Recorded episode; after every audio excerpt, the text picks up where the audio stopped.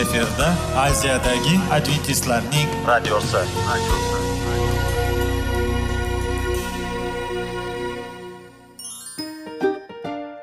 assalomu alaykum aziz radio tinglovchilar. Sog'liq daqiqasi rubrikasiga xush kelibsiz. Zero tananing sog'lom bo'lishi va uning kasalliklardan saqlash har bir insonning burchi hisoblanadi. Inson uchun bebaho boylik bu sog'liq salomatlikdir. Uni asrash esa har birimizga omonat qilib berilgan. Shuning uchun ham inson o'z sog'lig'ini ehtiyot qilishi va ajib amallardan hisoblanadi. Dono xalqimiz sog'liq tuman boylik deb bejiz aytmagan. Aql idroq sohibi bo'lgan inson o'z hayotini qadrlashi lozim bo'ladi. Hozirgi kunda qanchalik dori darmonlar ko'paymasin tibbiy muassa sifati shifokorlar vasiyasi tibbiy texnika yaxshilanmasin. Agar insonning o'z salomatligi haqida qayg'urmasa kutilgan natijaga erishib bo'lmaydi va biz sizlarga bizning dasturimizga xush kelibsiz deymiz.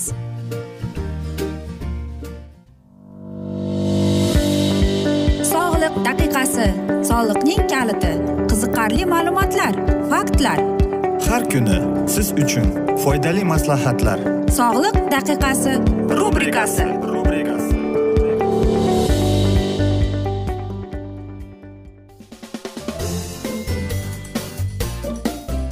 assalomu alaykum aziz radio tinglovchilar. Dasturimizga xush kelibsiz va biz sizlar bilan tana va sog'liq degan dasturda xushvaqt bo'ling deb aytamiz. Va bizning bugungi dasturimizning mavzusi o'pka sog'lom bo'lishi uchun biz nima qilishimiz kerak deb nomlanadi. Albatta hozirgi zamonning yuqori texnologiyalar davrida kompyuterlar butun dunyoni suv bosganday bo'lib qolgan. Elektron qurilmalarsiz oddiy odamning oddiy hayotini tasavvur qilishning imkoni yo'q albatta. Barcha sanoat ishlab chiqarish yarimligi bo'lsa yoki hatto butunlay e, robotni ham ish aylanish jarayoniga o'tkaziladi. E, bu asrda minglab yillar davomida o'zgarmagan holatida bo'lgan bir qism yer yuzida qoldi bu inson. Hozirgi yigirma birinchi asrning e, oddiy insoniy hayotini qo'l telefonsiz yoki planshetsiz yoki internetsiz yoki aytaylik kompyutersiz tasavvur ham qilib bo'lmaydi. Har bir zamonning o'ziga yarasha o'zgarishlari bo'lib kelyapti. Albatta bu ming yillardan keyin odamlar o'zgarib ketdilar. Ana ancha cho'ziluvchan aqlli kuchliroq bo'lib chiqdi. Ammo inson organizmining ilm fan va texnika taraqqiyotini o'zgartira olmaydigan mustahkam usullarni mavjud edi. Bu albatta oziq ovqat tizimi. U orqali tananing hayoti va hayoti uchun zarur bo'lgan moddasi hisoblanadi. Tanaga zarur bo'lgan bu moddalar oziq ovqat iste'mol qilish vaqtida yetkazib beriladi.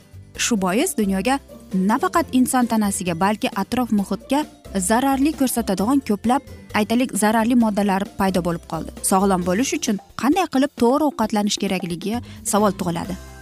Odamlarning donoligi shunday deydi. Sog'lom tanada sog'lom aql deb. Sog'lom tana tomonidan insoniy fikrlari zaruriy keskinlikka erishadi. Tanadagi quvnoqlik paydo bo'ladi. Inson o'zini befarq his qilmaydi. U yaxshi kashfiyotlarga tayyor bo'ladi. Sinovsiz har qanday jismoniy ishni bajarishga tayyor ishlarini davom ettirish uchun charchoq bor. Shunga ko'ra uning ishlab chiqarilishini talab chiqarishdan oshadi. U yanada muvozanatli va xotirjam bo'ladi va buning barchasi faqatgina to'g'ri ovqatlanishga bog'liq bo'ladi. Va siz albatta savol berasiz qanday qilib biz sog'lom ovqatlanishimiz kerak deb. Buning qoidalari albatta ko'p va birinchi o'rinda bizning o'pkamiz ham bunga muhtojdir. Birinchi qoida bu ortiqcha ovqat emas albatta lekin to'g'ri ovqatlanishingiz kerak. Masalan oshqozonni sindirmaslik uchun ortiqcha ovqat iste'mol qilmasligingiz kerak. Yoki aytaylik hamma narsani me'yorida. Ikkinchi qoida bu albatta ovqatlanish vaqtida bo'lishi kerak. Aytaylik agar ko'p ortiqcha ovqat yeb yuborsak nima bo'ladi deymiz. Albatta buning natijasida biz semirishda paydo bo'lib qoladi. Shunga ko'ra semirish bilan nerv nafasi paydo bo'ladi. O'pka yurak jigar buyrak organizmning barcha asosiy organlari zarar ko'radi. Muvaffaqiyatlar ishlashsiz organizm juda tez chiqib ketadi. Va bu yerda murakkab va g'ayriodoy narsa yo'q. Ovqatni yaxshilab chaynash kerak. Chaynash uchun ovqat qancha ko'p bo'lsa u oshqozonimizga osonroq bo'lib ketadi. Ko'p o'tmay ozuqa moddalari qonga tushadi va qanchalik tezroq tananing to'liq quvvatiga ega bo'lsa. Va bu yerda albatta nima ishlaydi? O'pkamiz ishlaydi. Shuning uchun ham biz bizning tanamiz biz to'g'ri nafas olib yoki kasal bo'lmaylik desak ortiqcha kerak emas narsalarni iste'mol qilmasligimiz kerak to'g'ri nafas olishimiz kerak.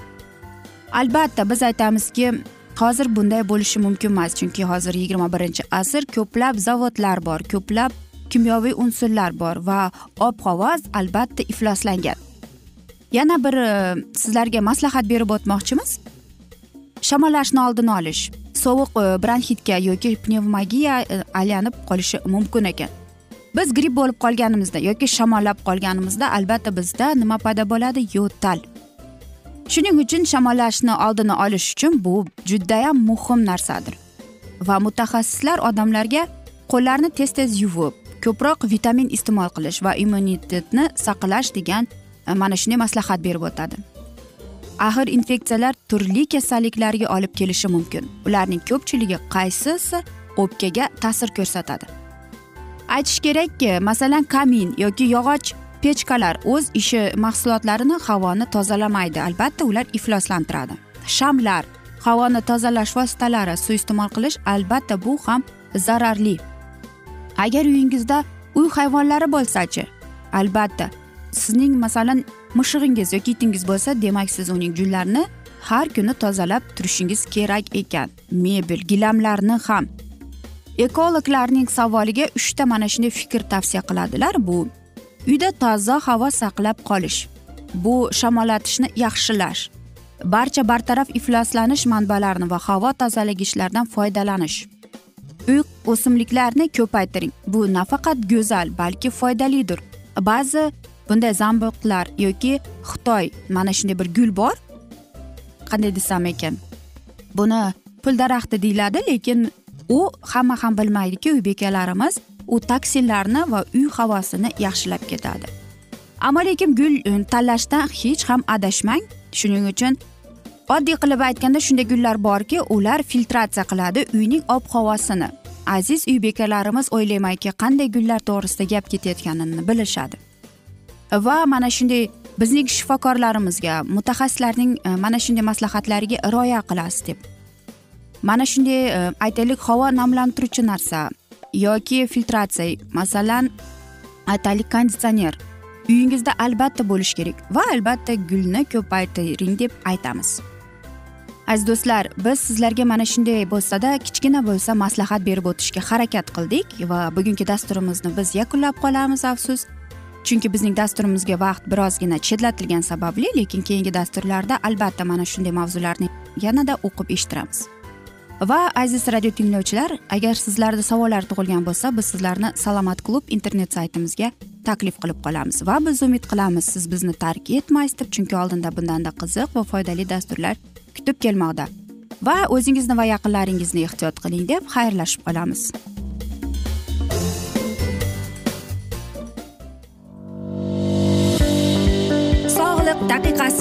Soliqning kaliti qiziqarli ma'lumotlar faktlar.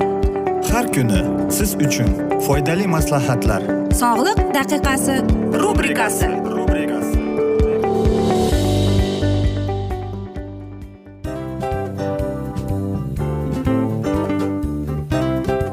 Mana ha hayotda hamma narsaning yaxshi narsalar tugaydi va yakunlaydi degandek bizning dasturimizga ham yakun keldi o'ylaymanki bizning dasturimiz sizga foydali bo'ldi deb aziz radio tinglovchimiz. Va siz o'zingiz uchun kerakli xulosalar kerakli maslahatlar olib oldingiz. Aziz radio tinglovchimiz biz bilan qoling va keyingi dasturlarimiz albatta undanda qiziqroq bo'ladi. Mana shu alfozda sizlar bilan xayrlashib qolaman.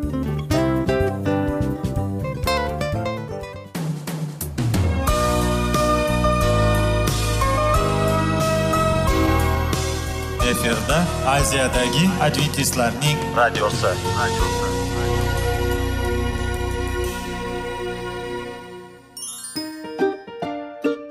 Assalomu alaykum aziz radio tinglovchilarimiz. Dil izhori dasturimizga xush kelibsiz.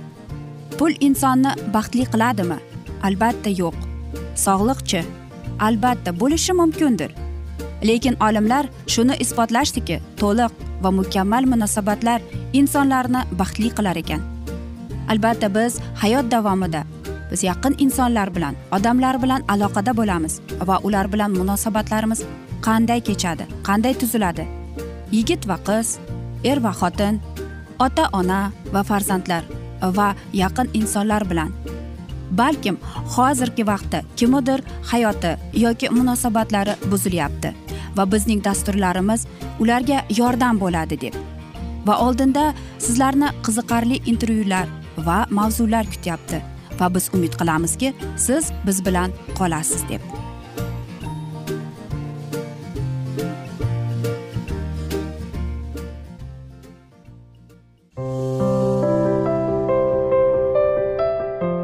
Kuni har xil kasbdagi odamlar bilan sirlashish va bo'lishish sevgi rashq munosabat bularni hammasi dil izhori rubrikasida.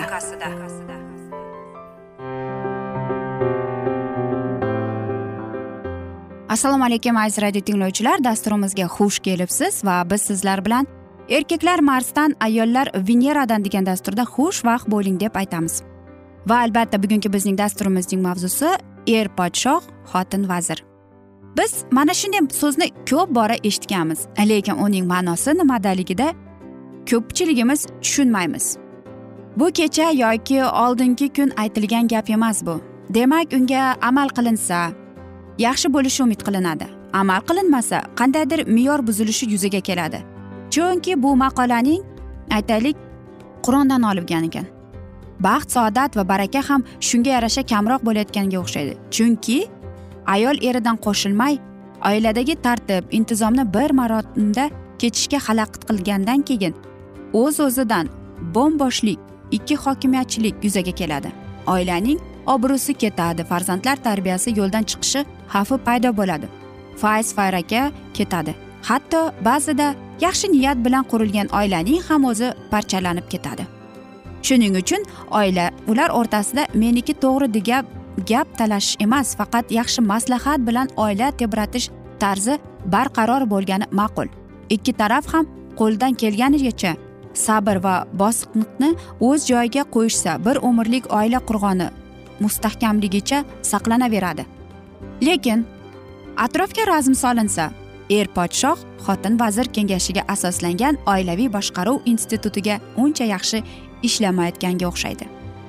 Chunki har bir yosh juvon yoki qizning har bir o'z e, bo'z yigitning orqasida oila degan ijtimoiy hukumat turadi.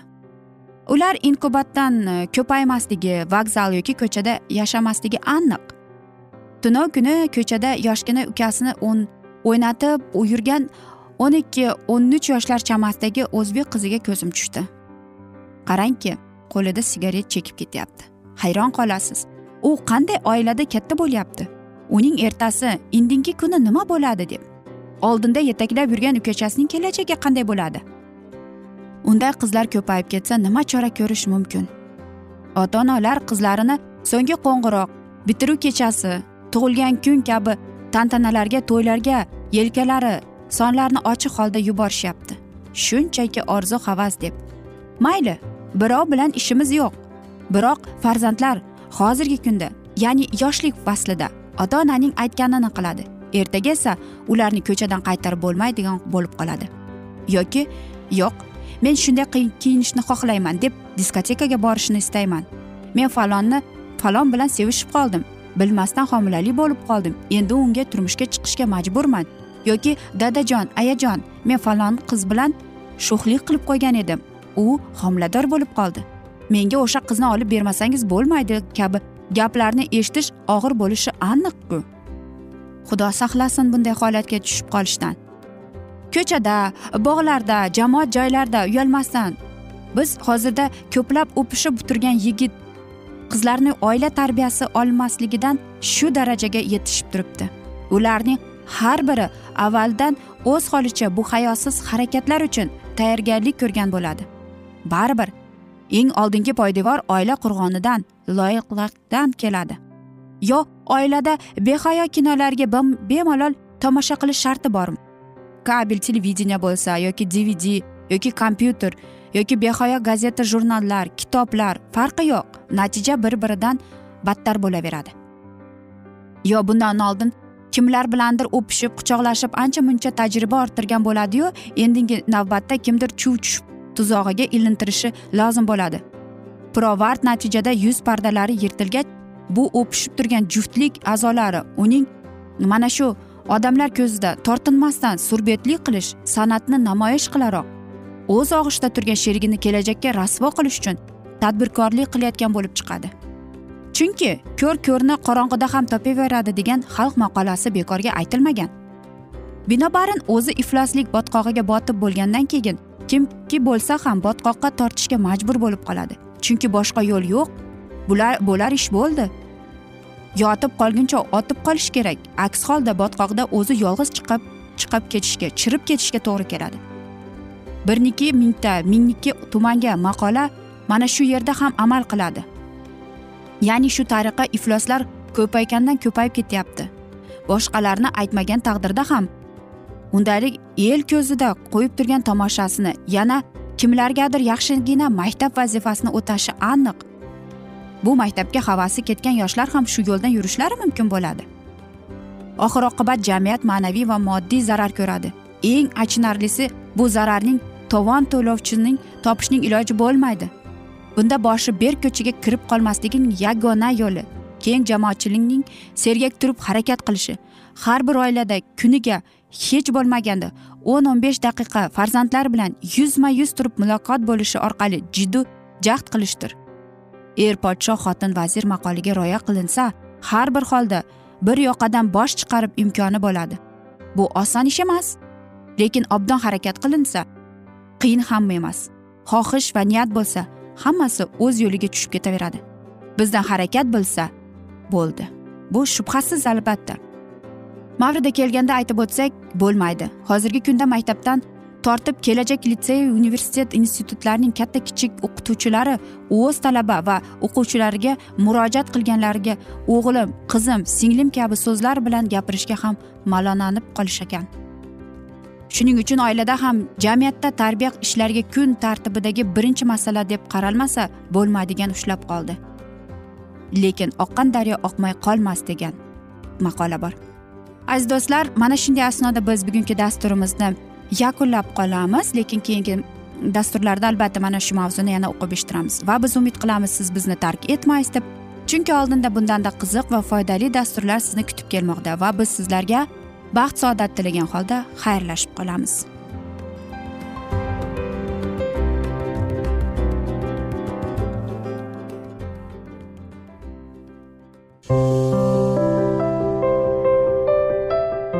Har kuni har xil kasbdagi odamlar bilan sirlashish va bo'lishish sevgi rashq munosabat bularni hammasi dil izhori rubrikasida. Mana aziz radio tinglovchimiz bizning go'zal va foydali va chiroyli dasturimiz yakunlanib bormoqda. Sizlarga birozgina maslahat berib o'tmoqchi edik. Bir biringizni seving. Qadringizga yeting.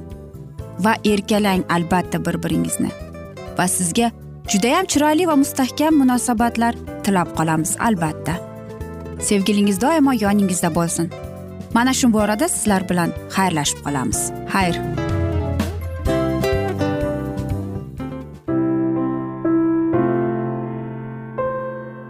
Hayotning noni. Qiziqtirgan savollar va javoblar.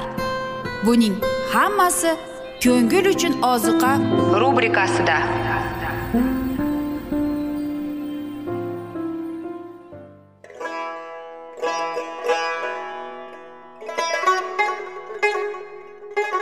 Assalomu alaykum aziz radio tinglovchilarimiz.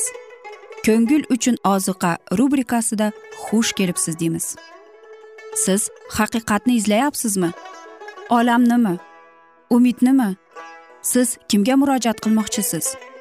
Odamlar ko'pincha siyosat kuchiga tayanadilar. Dunyo iqtisodiyoti holati tobora chuqurlashib bormoqda. Tabiiy ofatlar va texnogen halokatlar minglab insonlarning hayotini olib ketib juda katta zarar yetkazmoqda. Sizga abadiy hayot inomini hadya qiluvchi va hayotingizni tubdan o'zgartiruvchi haqiqatni izlab toping. Xudo haqidagi haqiqat uning kalomida mujassamlashgan.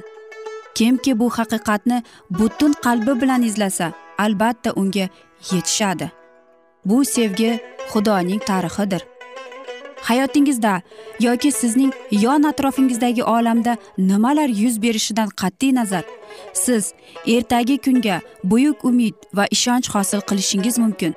Hozirda xudo sizga taklif qilayotgan umid ishonchga o'z qalbingizni oching va sizni qiziqtirayotgan mavzularni savollaringizga javoblaringizni topib olasiz deb umid qilamiz. Biz bilan qoling.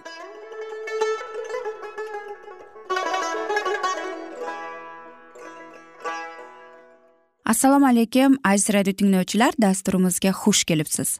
Va biz sizlar bilan ulug' kurash degan kitobni o'qib eshittirishni boshlagan edik. Va bugungi bizning dasturimizning mavzusi amalga oshgan bashoratlar deb nomlanadi. Va biz sizlar bilan o'tgan galgi mavzuni bugun davom ettiramiz. Ushbu timsollar nafaqat asl ma'nosida balki o'z vaqtida ham amalga oshdi. Yahudiylarning birinchi oyi o'n to'rtinchi kunida o'n besh asr davomida fiziq qo'zisi qurbonlik qilib keltirardi. Masih ham aynan o'sha oyda o'z shogirdlari bilan shu tariqa oqshom ziyofatini joriy qilib fisiq taomidan tatib ko'rdi. Bu ziyofat olam gunohini o'ziga oladigan xudoning qo'zisi sifatida uning o'limini xotirlash uchun o'tkazilishi kerak edi. O'sha kuni tunda u fosiqlar tomonidan qo'lga olinib muhrlangan va o'ldirgandi. Rabbimiz silqitilgan bog'lom timsoli sifatida birinchi kun o'likdan tirildi.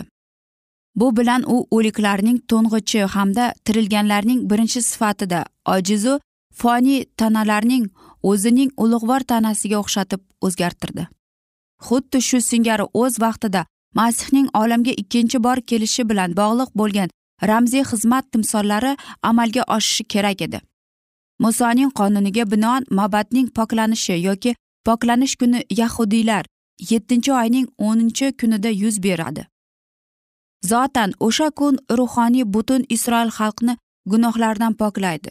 Yahudiylarning gunohidan uchrashuv chodiri qurbongohi poklab bo'lgach xalqning oldiga chiqadi va uni marhamatlaydi. Shu singari masih bizning buyuk oliy ruhoniymiz gunoh va gunohlarni yo'q qilishga dunyoni poklab o'z xalqiga abadiy hayotga inomni berish uchun kelishga millatlirdlar ishonar edi. Yettinchi oyning o'ninchi kuni buyuk poklanish kuni. Mabadni gunohlardan poklash vaqti bo'ladi. Bir ming sakkiz yuz qirq to'rtinchi yili ushbu kun yigirma ikkinchi oktyabrga to'g'ri keladi. Aynan shu kuni rabbiyning kelishi kutilgan. Bu holat esa oldin hisoblanib chiqilgan sanaga binoan ikki ming uch yuz kunlik davr kuz oyida yakunlashi kerak edi. Chiqarilgan xulosa bir e'tirozga o'rin qoldirmadi. Mato bayon etgan muqaddas xushxabarning yigirma beshinchi bobida kuyovning kelishidan oldin kutish va uyqu vaqti yuz beradi. Bu shuningdek qadimgi ahd timsollariga va bashoratiga mos keladi. Imonlilar o'zlarining dalil isbotlari haqiqatlariga chindan ishonar edilar va yarim tundagi ovoz minglab xabarchilar tomonidan e'lon qilinardi. Dengizning katta to'lqiniga o'xshab bu harakat butun mamlakatni aylanib chiqdi. Xushxabarni bir shahardan boshqasiga bir qishloqdan boshqa qishloqlarga olib o'tdilar. Mamlakatning uzoq burchaklariga yetib borib to xudoning butun xalqi rabbiy bilan uchrashish uchun uyg'onmaguncha targ'ib qilib yuraverdi. Bu nurning kuch qudrati oldida ko'tarilayotgan quyosh nuri ta'siridan ertalabki sovuq chekingan singari fanatizmning har bir faolligi yo'q bo'lib ketardi. Ikkilanish va shubha gumonlar tarqalib umid va jasorat imonlilarning qalbini yoritdi. Odamlar kalom va xudoning muqaddas ruhi ta'siridan o'zlarini olib qochib harakat qilayotgan joyda yuz berishi yoki namoyon bo'lishi mumkin bo'lgan kelishmovchilik va ziddiyatlardan qutulib qolishga muyassar bo'ldik. O'sha paytda xudo xizmatkorlarining ayblori ta'sirida qadimiy isroil boshidan kechirgan itoatkorlik va xudoga yuz tutish holatini hamma narsa eslatib turardi. Bu esa har qanday vaqtda ham xudoning xizmatiga mos jarayondir. Hech kim vasvasaga tushib bir lahzalik huzur halovatga berilmadi. Odamlar qalblariga jiddiy nazar tashladilar. Gunohlariga tavba qilib dunyo bilan o'z munosabatlarini uzdilar. Rabiy bilan uchrashishga intilib o'zlarini tayyorlash maqsadida ular chin dindan ibodat qildilar va o'zlarini to'liq xudoga bag'ishlar edilar. Yuz berayotgan hodisalarni tasvirlab miller shunday deydi. Osmon va zamin bilan hammasi birgalikda ulug'vor va shonli xushvaqtlik qilish umidida bo'lgan odamlar go'yoki kelajakdagi shod xuramlik uchun o'zlarini avaylab jur'atda xursandchilikdan voz kechayotgan edilar. Kuchli baqir chaqirlar eshitilmasdi. Chunki hamma samodagi jabroilning ovozini kutib turardi. Sanochilar jim turishardi. Go'yoki ular ham farishtalarning askarlari bilan samoviy jo'rlikda hamda sanoni kuylash vaqti kutayotganda edilar. Hech bir biriga zid bo'lgan his tuyg'ularni bayon qilmasdi. Zero hammaning qalbi va ongi yagona edi. Boshqa bir guvoh shunday deydi. Ushbu harakat hamma joyda qalbni egallaydi. Chuqur o'rganishga va qodir xudo oldida itoat etishga da'vat qilardi deydi. Dunyo bilan bo'lgan o'zaro munosabat zaiflashadi adovat va ziddiyatlarga barham berildi. Gunohlar uchun tavba qilindi. Hamma xudo oldida kechirim so'rab pushaymonlikdan bosh egdi va rabbiyga yuz o'girdi. Bunday o'zini o'zi xo'rlashni va tavba qilishni dunyo hali ko'rmagandi yoel payg'ambar orqali bashorat qilingandek xudoning buyuk kuni odamlar kiyimlarini yirtishga emas balki qalblarni tilka pora qilishga yig'lab va qattiq bo'zlab xudoga murojaat qilishga barchani undaydi. Huzur halovat va marhamat ruhi uning farzandlarida namoyon bo'ldi. Zero rabbiy payg'ambar zakariyo orqali shunday degan. Ular o'zlari qilich sandig'idan zotga boqadi. U haqda nola qiladi. Rabbiyni kutganlar esa uning oldida o'z qalblarini itoat ettirdilar deydi. Aziz do'stlar mana shunday asnoda biz bugungi dasturimizni yakunlab qolamiz va sizlarda savollar tug'ilgan bo'lsa biz sizlarni adventis tochka ru internet saytimizga taklif qilib qolamiz va albatta biz sizlarga va yaqinlaringizni o'zingizni ehtiyot qiling deb xayr sog' omon deymiz.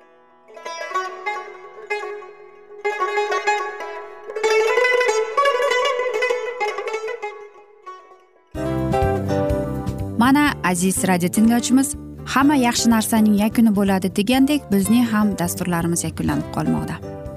Aziz do'stlar o'ylaymanki bizning dasturlarimiz sizlar uchun judayam foydali bo'ldi deb bizning dasturlarimizdan siz o'zingizga foydali va judayam kerakli maslahatlar oldingiz deb. Masalan sog'liq borasida biz sizlarga sog'liq tilaymiz albatta lekin bizning maslahatlarimizga ham amal qilishga unutmang. Munosabatlarga kelganda bu munosabatlar chuqur va yaxshi bo'lishi uchun uni ustidan ishlash kerak albatta.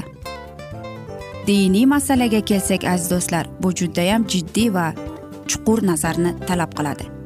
Ammo biz sizlar bilan xayrlashib qolmaymiz keyingi dasturlarda eshittirishimizni davom ettiramiz va sizlar bilan mana shu yaxshi kayfiyatda xayrlashib qolamiz. Va keyingi dasturlarda ko'rishguncha xayr!